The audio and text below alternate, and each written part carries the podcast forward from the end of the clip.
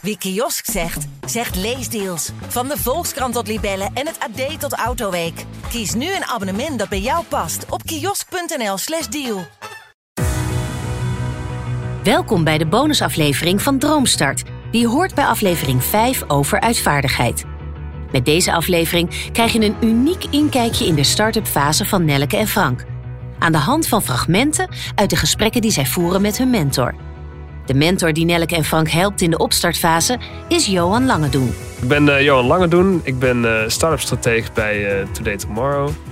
En wij helpen eigenlijk start-ups en corporate start-ups om van idee naar app te gaan. Dus echt vanaf strategie. Dus wat ga je maken voor wie? En vervolgens ook ontwerpen, ontwikkelen en opleveren.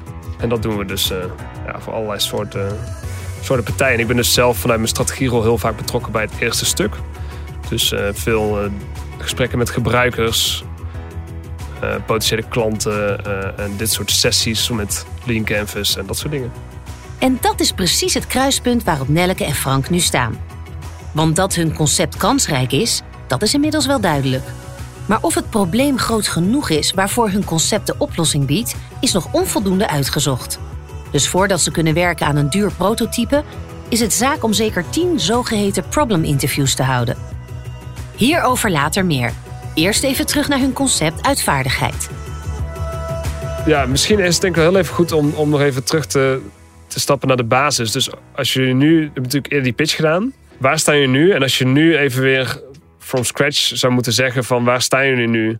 Uh, wat gaat het uh, doen? Kunnen jullie dat nog eens... Uh... Ja, nou kijk, toen ik pitchte was het natuurlijk het idee echt een beetje een soort boeking van echt een soort keuzeplatform. En waar we al achter kwamen via het canvas, waarin je die, die problemen moet prioriteren, is kiezen is eigenlijk. Dat komt later. Eerst is het gesprek erover, of je wensen uh, daarover nadenken. Dat is een urgente probleem wat je eerst moet oplossen voordat je echt gaat kiezen tussen verschillende aanbieders. Dus daar hebben we ik eerst echt op gefocust en dus ook heel erg op doorgevraagd. En in die zin is het dus al de eerste iteratie uh, geweest. En hebben we nu de, de unique value proposition geformuleerd als um, dat uitvaardigheid een beeldende online tool is die het onvermijdelijke bespreekbaar maakt. Waardoor je vaardig wordt in het organiseren van de uitvaart van iemand die je lief hebt en of die van jezelf. Uitvaardigheid is dus een online tool waarmee je jouw eigen uitvaart of die van een ander kunt regelen. Net zoals je dat nu ook doet voor een bruiloft of een reis. Maar is hier überhaupt behoefte aan? Ja, wat misschien wat ik wel heel leuk vind om heel even te doen is. Kijk, vanuit Lean Canvas laten we niet alle stappen doornemen. Volgens mij de fase waarin je nu zit, gaat het naar mijn idee over drie dingen. Namelijk, voor wie doe je het? Wat is hun probleem? En wat is de, met welke waarde probeer je dat op te lossen? Uh, zou je daar eens doorheen kunnen gaan? Even kort pitchen in, in, een paar zinnen. Nou ja, waar we vooral achter zijn gekomen, we zijn dus heel veel gesprekken gaan voeren, informeel. Uh, we hadden wel een vragenlijst gemaakt en die zit in je hoofd, maar uh, in deze fase willen we vooral heel veel ontdekken en ook ja, veel mensen aan het woord laten. Um, en hoe ik het zelf zou moeten omschrijven, is dat het probleem niet echt manifest is. Niet zo van, wow, dit is het grootste probleem waar bloed uitloopt. Uh, wat onmiddellijk opgelost moet worden.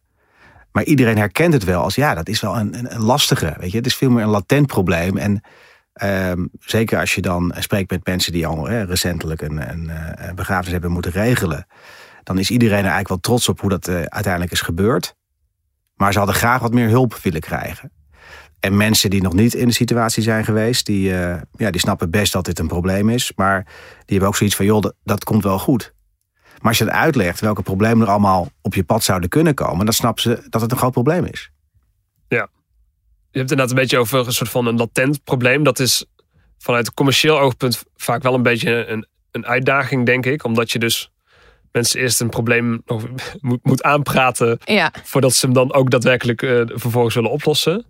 Zijn er ook vanuit de gesprekken die je hebt gehad, of die jullie hebben gehad, zijn er ook dingen die uh, meer concreter ook nog als aanknopingspunt naar voren kwamen. Zo van dingen die wel speelden, of misschien die mensen waar mensen zelf mee, mee, kwamen zeg maar, in, dit, in deze context?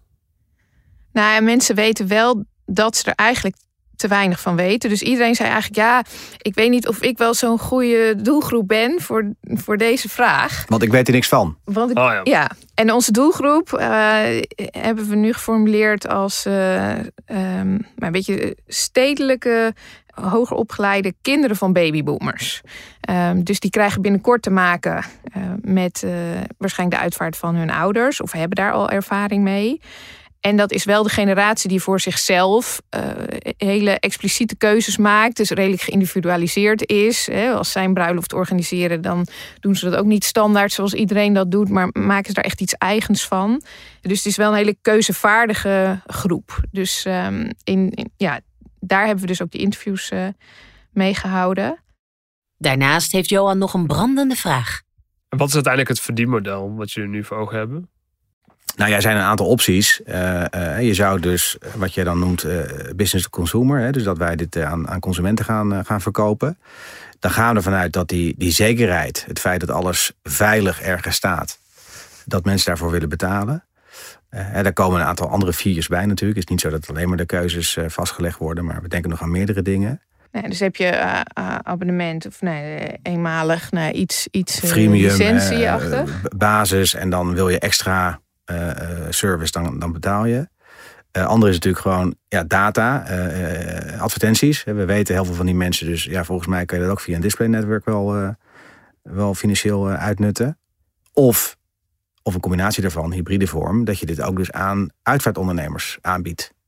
En, en dat zijn ze een beetje.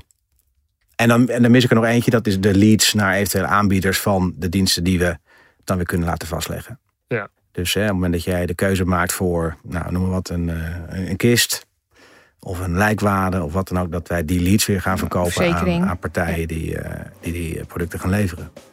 Maar laten we even teruggaan naar het begin, de doelgroep. Nelke en Frank zijn dus de afgelopen tijd druk geweest met het afnemen van probleminterviews. Denken mensen na over een uitvaart? Ervaren ze problemen bij het organiseren ervan? En wat zou uitvaardigheid op kunnen lossen voor toekomstige gebruikers? Ja, wat interessant is bij een uitvaart, voor wie is dat nu eigenlijk? Eh, ik heb in managementtrainingen altijd geleerd, je moet niet te veel invullen voor een ander. En dit is eigenlijk het extreme invullen voor een ander. Want degene die gaat overlijden, wil het vooral goed doen voor de achterblijvers, voor de nabestaanden. Ehm, en de nabestaanden willen het heel erg in de gedachten doen en passend bij degene die overlijdt. Dus je zit het- het heel erg voor elkaar in te vullen. Ja, Ehm, en je merkt wel de mensen die er een gesprek over hebben gehad. Ehm, hè, dus eh, iemand die er echt met haar ouders eh, al een paar keer over had gesproken. En ehm, eh, die wist wat voor wensen ze hadden. Dat geeft wel eh, mentale rust. Ja. ja. Ehm, en we hadden ook een gesprek met een stel die zeiden eh, van nee, ja, we hebben het er zeker vaak over gehad en ik weet wat jij wil. Frank begint nu al te lachen. Ehm, eh, en toen bleek dat hij dacht dat zij begraven wilde worden, maar zij wilde gecremeerd worden. Dus dat gesprek was gesprek, niet ja. helemaal Ja, goed ja, ja. afgelopen of eh, eh, niet goed geregistreerd. ja. Er zit wel iets. ja, nee, ja. Ja, Daar, daar, daar ben ik wel van overtuigd. Het is niet het grootste probleem wat we nou eh, moeten oplossen. Ehm, maar, maar iedereen herkent wel en erkent dat je dit beter kan regelen. En, en daar begint het wel mee. ja. Ja, dus Ehm, ik had wel een soort peace of mind als het geregeld is. En mensen die een uitvaart hebben georganiseerd zeiden... we wisten heel veel van wat diegene wilde. Ja, die vonden dat ook daardoor heel prettig. ja. Ja, en ook wel interessant, die, die, die vraag hebben we ook gesteld, hè, van mensen die dat niet wisten van degene die overleden was. Dan werkt hè, waarschijnlijk het menselijk brein dusdanig dat je toch tevreden bent over hoe je het geregeld hebt. ja. Ja, je gaat het niet als een trauma Niemand- niemand gaat zeggen- mee, niemand gaat er nooit achter dat iemand het anders Nee, heeft gehad. Nee, Nee. exact. exact. Dus, eh, ja, zo van ja, nou, het was fantastisch en eh, iedereen tevreden. En wat zal die trots geweest zijn? Terwijl je dat natuurlijk helemaal niet weet. Nee. Eh, maar gelukkig maar, want anders word je natuurlijk diep ongelukkig als je daar zeker achteraf over gaat twijfelen. Dat heeft helemaal geen zin. Maar als je dan vervolgens uitlegt van joh, wij denken dat je dit met techniek kan oplossen. Door jouw keuzes vast te leggen en nou, alles wat erbij komt kijken vooraf, voordat het probleem eh, ontstaat. Hè, dat je daar gewoon over nadenkt met je, met je dierbaren. Ehm, en ik weet dat we dat in deze fase niet moeten doen, maar dan zegt iedereen van ja, dat, is, dat zou heel veel rust geven als ik dat zou weten. Ehm, maar, maar dat is wel weer de uitdaging volgens mij waar we nu staan. Is dat, dat het dus niet wordt ervaren als het grootste probleem ter wereld. Dat is het niet. Ja, iedereen eigenlijk van echt de doelgroep zoals we hem nu geformuleerd hebben. Het was één iemand die nog een uitvaartverzekering had. Maar dat was omdat zijn ouders die ooit ehm, hem hadden ingeschreven. Oh. En verder zei iedereen van... ehm, nee hoor, dat, eh, dat zijn kosten, die hoef je niet te verzekeren. Want ja, het is overzichtelijk.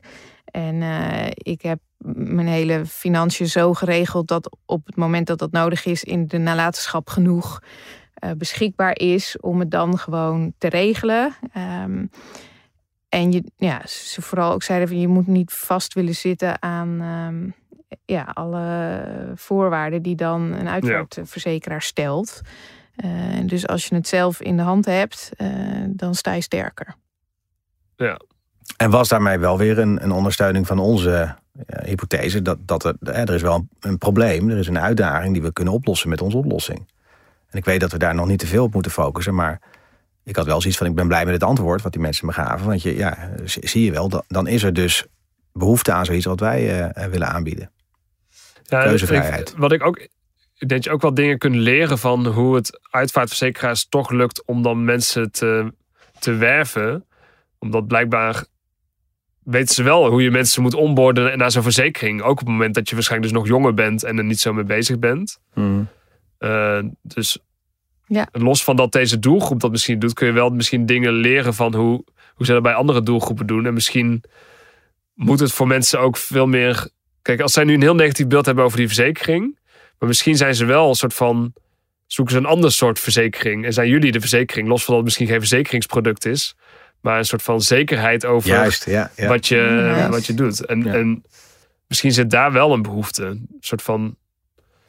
Ja, dat het geen financiële zekerheid is, maar mentale zekerheid. Dat je weet wat er kan en wat, wat diegene wil. Ja. Ja, Nou, want ook hoeveel denk je dat een uitvaart kost, hebben we ook gevraagd. En daar, ehm, Ja, joh, we- we- mensen die het een keer hebben gedaan, die hebben een goed idee van. maar we hebben serieus, we hebben gehoord 20.000, dacht iemand.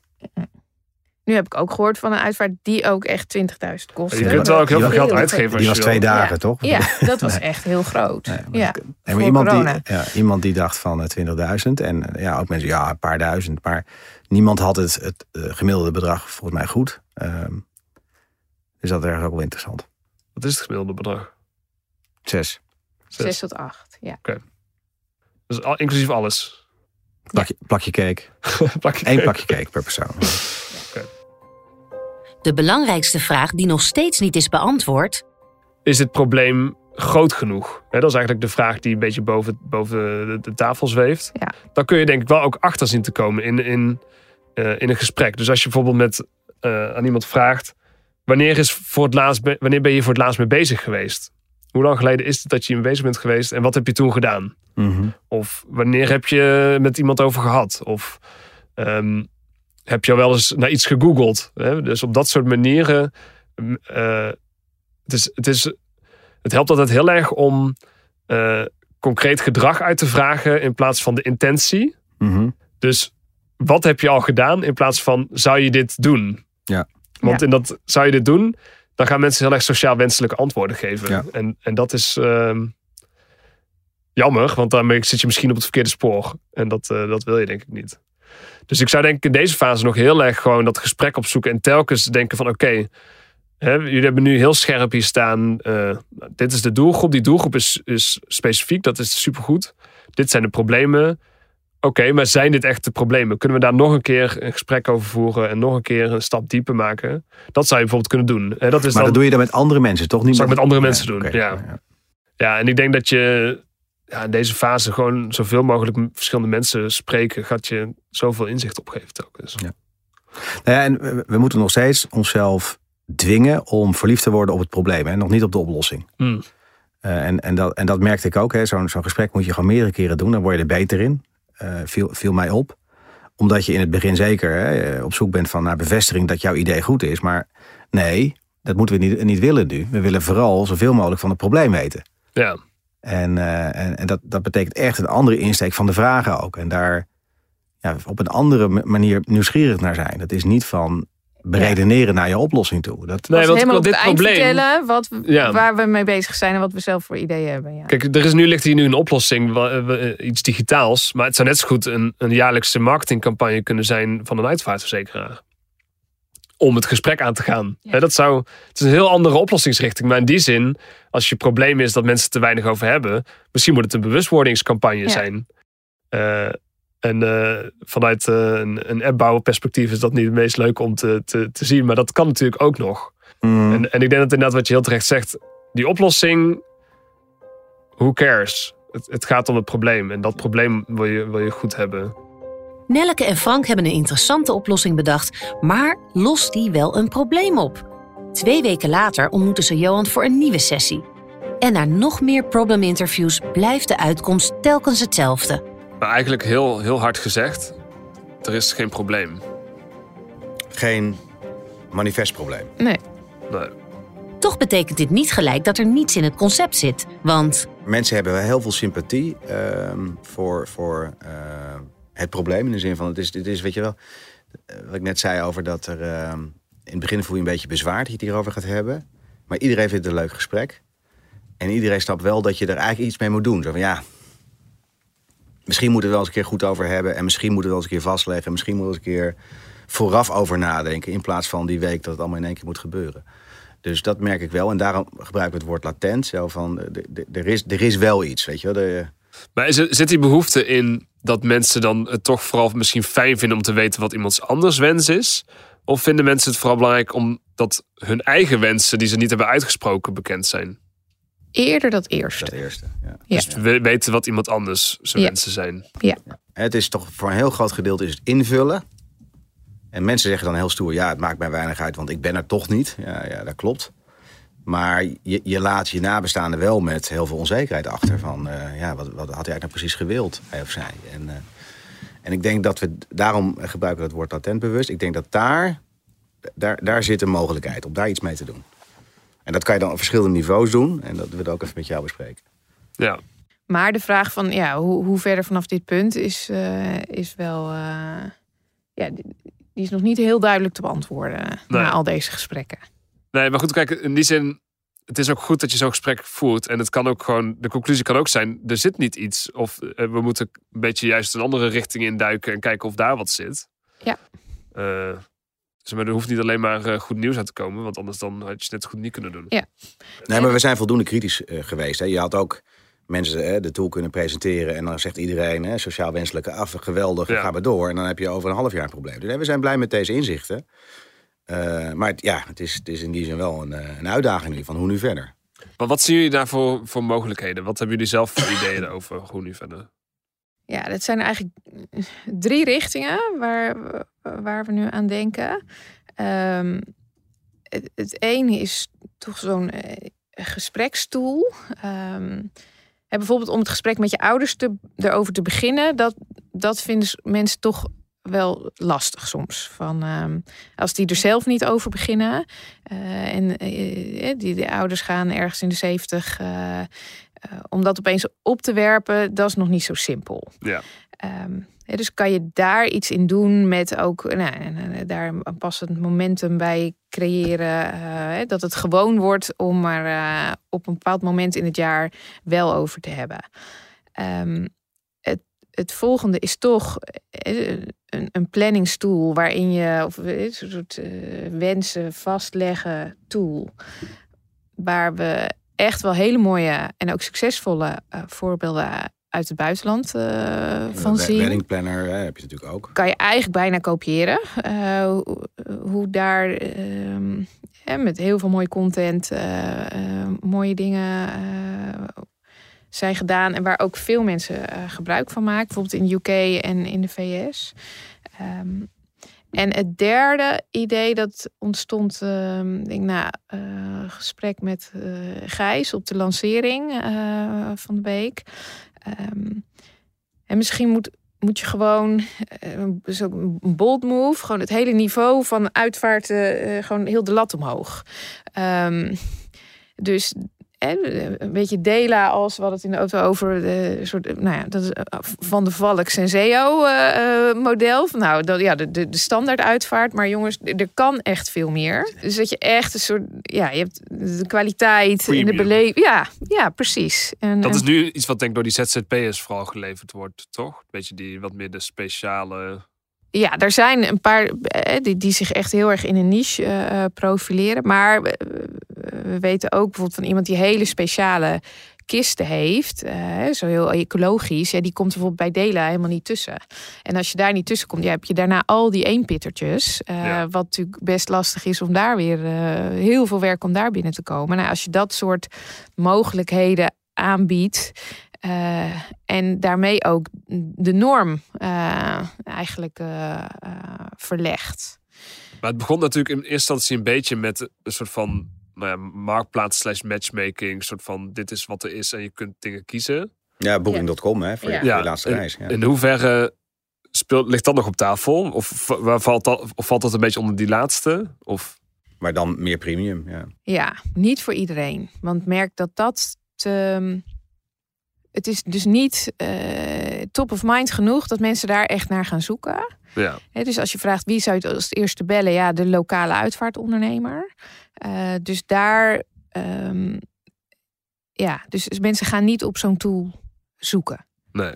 En zeker niet op dat moment. Kijk, als je dat gesprek naar voren kan halen, dan misschien wel. En dan kom je dus meer bij de eerste optie. Uh, een, een gesprekstoel. Uh, maar, maar ja, zo'n zo'n begrafenis moet binnen een week geregeld worden. Ja, wat doe je dan? Dan kijk je in het lokale servertje. Uh, of, je, of je googelt of je, je vraagt in je netwerk... Hè, met wie hebben jullie laatst uh, die persoon begraven? En dan bel je die persoon op. Of tenminste niet de persoon, maar de uitvaartondernemer. um, en dat zijn de opties. Nou, er is er wel, denk ik, een interessante tussenfase. Is natuurlijk als je weet dat iemand gaat overlijden. Dus je hebt natuurlijk de fase van ben gewoon gezond, ik leid lekker mijn leven, et cetera. En op een gegeven moment eh, kan iemand natuurlijk een keer slecht nieuws krijgen. Ja. En die fase, dat is natuurlijk ook een moment waarop nu vaak mensen wel hun wensen kenbaar maken. Ik weet dat er inderdaad mensen zijn die gewoon dat al dan een soort van regelen of dingen daar vastleggen.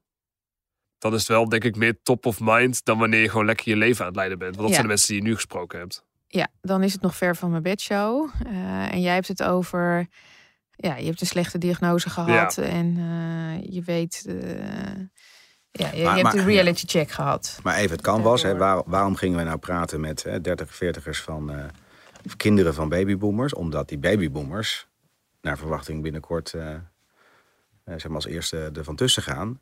En onze gedachte was dan van ja, dan moet je dus een gesprek met die kinderen aangaan, zodat zij in staat worden gesteld om de begrafenis van hun ouders te kunnen voorbereiden. Maar als je daar weer een uh, die groep versmalt tot de mensen waarvoor het, uh, die, die, die een diagnose hebben gehad of uh, binnen die babyboomers mensen voor wie het binnenkort te gebeuren staat. Dat hoor ik jou zeggen, volgens mij. Ja, het was meer ook een vraag hoor, maar meer een soort van. Ik, um, volgens mij is de conclusie eigenlijk wel uit de problem-interviews blijkt gewoon dat het probleem vrij latent is. Daar kun je nog steeds er vol enthousiasme voor gaan. Maar dan neem je natuurlijk wel een risico mee. Ja. Omdat je natuurlijk eerst mensen nog een probleem moet aanpraten voordat ze daar ook nog weer bereid zijn om een oplossing af te nemen. Ja. Dat kan, maar is misschien wel uitdagend. Er zit hier dus wel iets, maar hoe moeten ze nu verder? Maar wat ik misschien wel interessant vind om te kijken of we dat kunnen doen, wat ik wel eens eerder gedaan heb in andere projecten, is dat we eigenlijk deze drie richtingen gewoon eens even uh, beoordelen op een drietal elementen. Namelijk, hoe groot is het probleem? Is het onderscheidend wat we daar kunnen doen? En kunnen we, zien we een verdienmodel? Ik denk dat het probleem interessant is. En volgens mij moeten we op die manier eens even misschien doorheen lopen en ze scoren van 0 tot 5. Dat we dat even voor onszelf doen en dat we dan dat vermenigvuldigen om te kijken welke richting. Want dit is natuurlijk eigenlijk, dit is niet echt, eh, voor mij is dit geen model, dit hebben we gewoon zelf een keer bedacht volgens mij. Maar wat ik wel interessant is, is om te kijken van wat komt daar nou uit? Omdat eigenlijk de vermenigvuldiging van deze zegt wel iets over, vinden we dit nou een kansrijke richting? Ja, oké. Het probleem kan heel groot zijn, maar als er geen rode rotcent te verdienen valt, ja, dan is het misschien niet heel interessant. Zeg maar. ja, ja. Um, zullen we dat eens even proberen te doen? Ja. Afzonderlijk en dan bij elkaar? Ja, dat lijkt me het beste. Oké, oké. Nelleke, Frank en Johan geven los van elkaar de punten voor alle drie de richtingen. De criteria Hoe onderscheidend is de richting? Zit er een verdienmodel in? En hoe groot is het probleem om op te lossen? Grappig, bij de ene helemaal dezelfde score en dit Ja. weer heel anders. Compleet Ja. anders. Maar volgens mij kwam het uiteindelijk wel hoog uit. Het is natuurlijk ook meer een beetje een gedachte-experimentje. Maar als je hier nu naar Ja. kijkt, wat, wat is jullie gevoel daarbij? Over deze Nou, ook dat, dat bij de plannings, eh, bij de, de, de, de premium tool of de, de booking.com voor je laatste reis, eh zeg maar ID3, dat dat onwijze redactie eh, nodig heeft. Dat je dat heeft heel veel. Zo'n zo'n gesprekstoel is denk ik ook qua uitvoering, misschien moet je die ook meenemen, is relatief simpel. Nou, niet simpel, maar makkelijker te realiseren dan eh booking.com voor je dood. Ja. En daar kijken we natuurlijk nu niet naar. Maar ik heb zo'n vermoeden dat ja, voordat, voordat je al die content eh, ge- geredigeerd hebt, ge, gecureerd, ja, bedoel, dat- gecreëerd. Al die partners aangehaakt. dat ja. is echt een. Dus makkelijk geld verdienen. dat is wat je zegt. Nee, dat- hopelijk goed geld verdienen. Maar dat is ook heel veel werk. Heel veel werk om dat goed te doen. Zeker, Ja. zeker. Dus die nemen we nou niet mee, zeg maar, de, de, de praktische uitvoerbaarheid. Maar dat is natuurlijk wel iets wat je mee zou moeten nemen. Want ja, dan denk ik dat, dat de gesprekstoel en de planningstoel relatief simpeler zijn te regelen. Ja. En Maar als er natuurlijk de kans elders ligt en je moet er Ja. misschien meer energie in stoppen, is dat dan een reden om het niet te doen? Of is het dan Nee, meer een nee, reden nee, van hoe nee. kun je dat dan bewerkstelligen? Hoe kun je dan zorgen dat je die resources krijgt om dat te doen? nee, dat, is, dat, is, dat is dan de opdracht die je jezelf geeft. Ja. Natuurlijk, van hoe ga je zorgen dat het geregeld wordt. Ja. Ja, misschien is het meer dat het dus als een groot risico voelt. Hè, omdat je eigenlijk, ja, dat, dat burning problem, eh, ehm, ik denk, ja, dat heb je gewoon nog niet gevonden. Of het gevoel van, hé, hey, dit, eh, dit is echt het gat in de markt.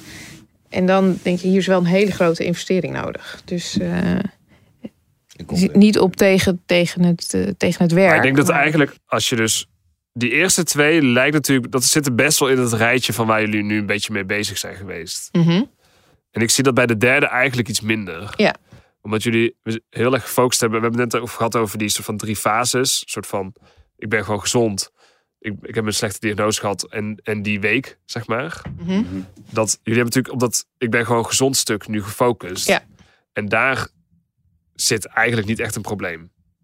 En ik denk dat dat best wel een belangrijke conclusie is. En kijk, ik sta natuurlijk een beetje buiten, maar ik, ik, ik, hoor daar, ik hoor daar eigenlijk niet echt dat ik denk van volgens mij moet je daar heel erg op doorgaan. Want ja, dan moet je eerst dat probleem mee gaan aanpraten en dan moet je nog een tool daarin in zien te leggen en dan moet je hem ook nog zien te verkopen.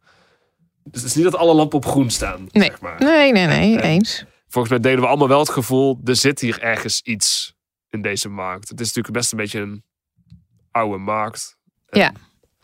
Het is niet meer van deze tijd. Het Zoals voelt, het, het voelt alsof eh, er iets te doen is, maar wat? Precies. Je hebt superveel dingen geleerd. Dingen die positief zijn, dingen die negatief zijn. Ja. Volgens mij moet je met alle inzichten die je nu hebt, is denken: oké, we gaan nu weer een keuze maken. Hoe, welke business gaan we draaien? Dan ga je, dat ga je even op papier zetten, super zo scherp mogelijk. Geen volzinnen, maar gewoon: dit is het probleem, dit gaan we oplossen voor deze groep mensen. Dat gaan we die, op die en die manier doen. Eh, en dan nadenken over wat daar de meest kritieke aanname is. En dat verder onderzoeken. Ja. Kijk, het is, je wilde eigenlijk lekker doorpakken. Maar eigenlijk, als je hoort wat er uit die prom interviews komt, moet je wel iets gaan veranderen, denk ik. Ja, nee, Omdat- zeker. Ja, nee, Zo nee, nee, nee, ja, nee, dit, Het dit, probleem niet groot genoeg ja, is. ja. Eh, dit is niet kansrijk genoeg, eh, Nee. het traject eh, waar we nu op zitten. En hoe super fijn is het dat je daar nu achter komt in plaats van dat je 150.000 euro hebt uitgegeven aan je platform. Dankjewel. Beetje uitgeluld, hè? Deadline. Volgende week, zelfde plek, zelfde tijd. 150.000 euro nu al bespaard. Dat klinkt als een echte droomstart. Maar vragen genoeg voor Nelleke en Frank om de komende tijd aan te werken. In de volgende reguliere aflevering van Droomstart haalt Niels het net op voor deze pitch. Stel je eens voor, je zit bij een klant in een meeting, je bent aan het opschrijven wat gezegd wordt en je probeert je tegelijkertijd ook te focussen op die klant. Maar hoe zit het nou met de inhoud van wat je opschrijft? En wat zijn de inzichten die daaruit kan halen? Wil je meer weten over de deelnemers of zelf aan de slag? Kijk dan op droomstart.nl voor achtergronden en de beste start-up tips. Abonneer je op Droomstart en mis niets van deze unieke ondernemersreis. Droomstart is een initiatief van de ondernemer en podcastbureau As We Speak.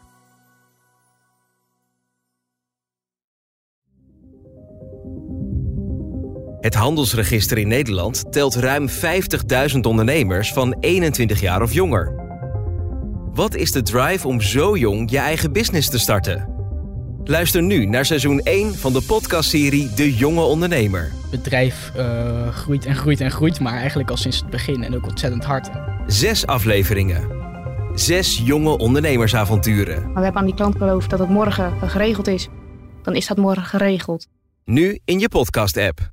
Wie kiosk zegt, zegt leesdeals. Van de Volkskrant tot Libellen en het AD tot Autoweek. Kies nu een abonnement dat bij jou past op kiosk.nl/slash deal.